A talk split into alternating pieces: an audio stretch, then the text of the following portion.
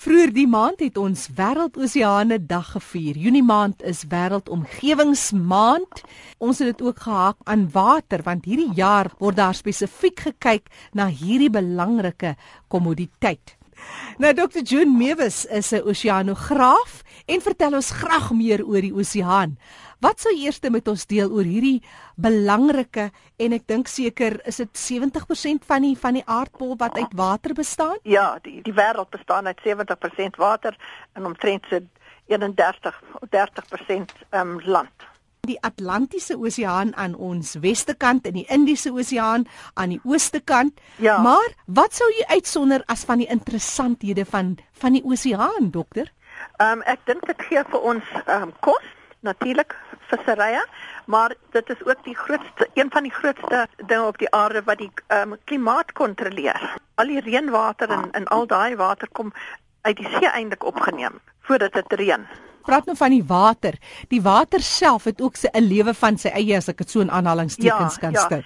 Die dit het ehm um, die water het bewegings, daar is strome, daar is golwe, Ehm um, daar's dele wat warmer is as ander dele. Daar ons het koue strome, ons het warm strome.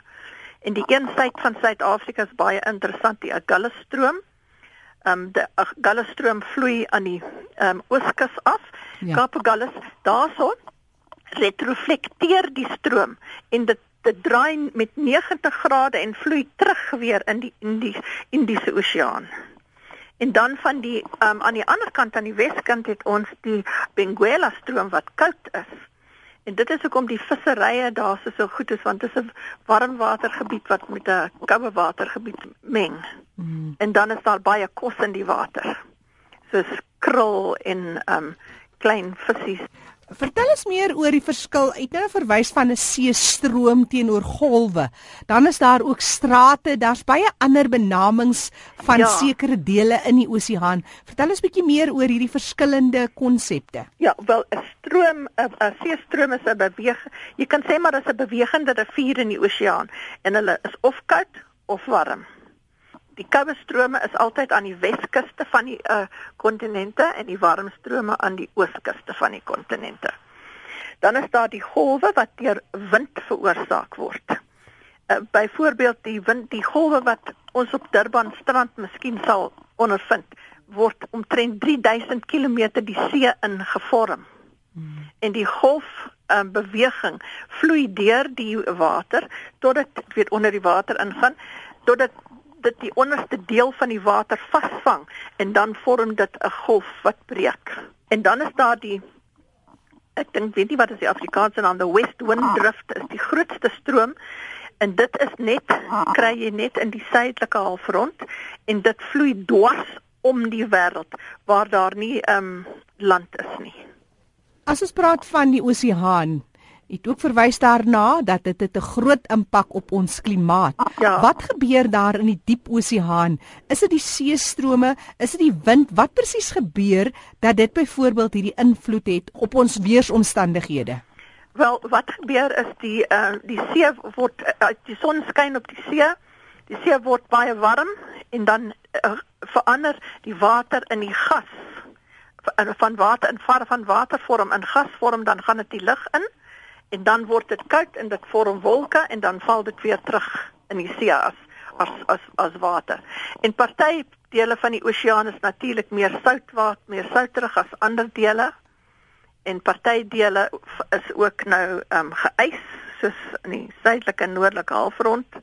Die die meeste klimaat ehm um, verskynsels, hierdie groot verskynsels vorm ehm um, soos tropiese siklone vorm oor die see en dan word hulle binne sodra hulle oor die land kom begin hulle opbreek maar dan uh, gewoonlik is daar baie baie baie uh, water wat val en verskriklike winde en um, baie skade word en dan is daar ook die tsunamies wat in die see veroorsaak word maar dit is deur 'n ondersee aardbewing ja. Dit veroorsaak die tsunamies wat so vreeslik tot honderde kilometer deur die oseaan golfbeweging kan volg tot dit dit by die land uitkom en dan verwoestende ehm um, skade aanbring. Daar's natuurlik ook baie stories, baie mites. Ja, ag dis dit is baie stories. Jy weet, as die wind nou vreeslik waai, byvoorbeeld die, die stuk tussen ehm um, Suid-Amerika en die Suidpool, dit is vreeslik. 'n Vriendin van my het uh, gaan op hierdie oseaan ehm um, jy weet, sy neem mense na die Suidpool toe en hulle is deur 'n 30 meter golf het die boot geslaan en al die vensters waar die die kaptein uitkyk van die bridge af is is alles vernietig. En gelukkig was daar niemand beseer nie, net jy weet nie ernstig beseer nie. Jy weet so so die wind is vreeslik daarso.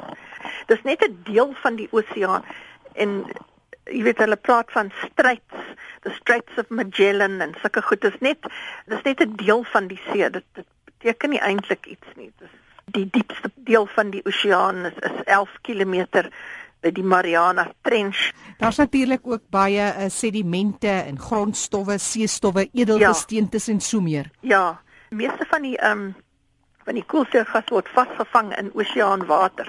Die die groot vraag is hoeveel kan die oseaanwater nog inneem voordat die die lug wat aan die see raak totaal te veel het en dan sal ons baie klimaatsverandering sien.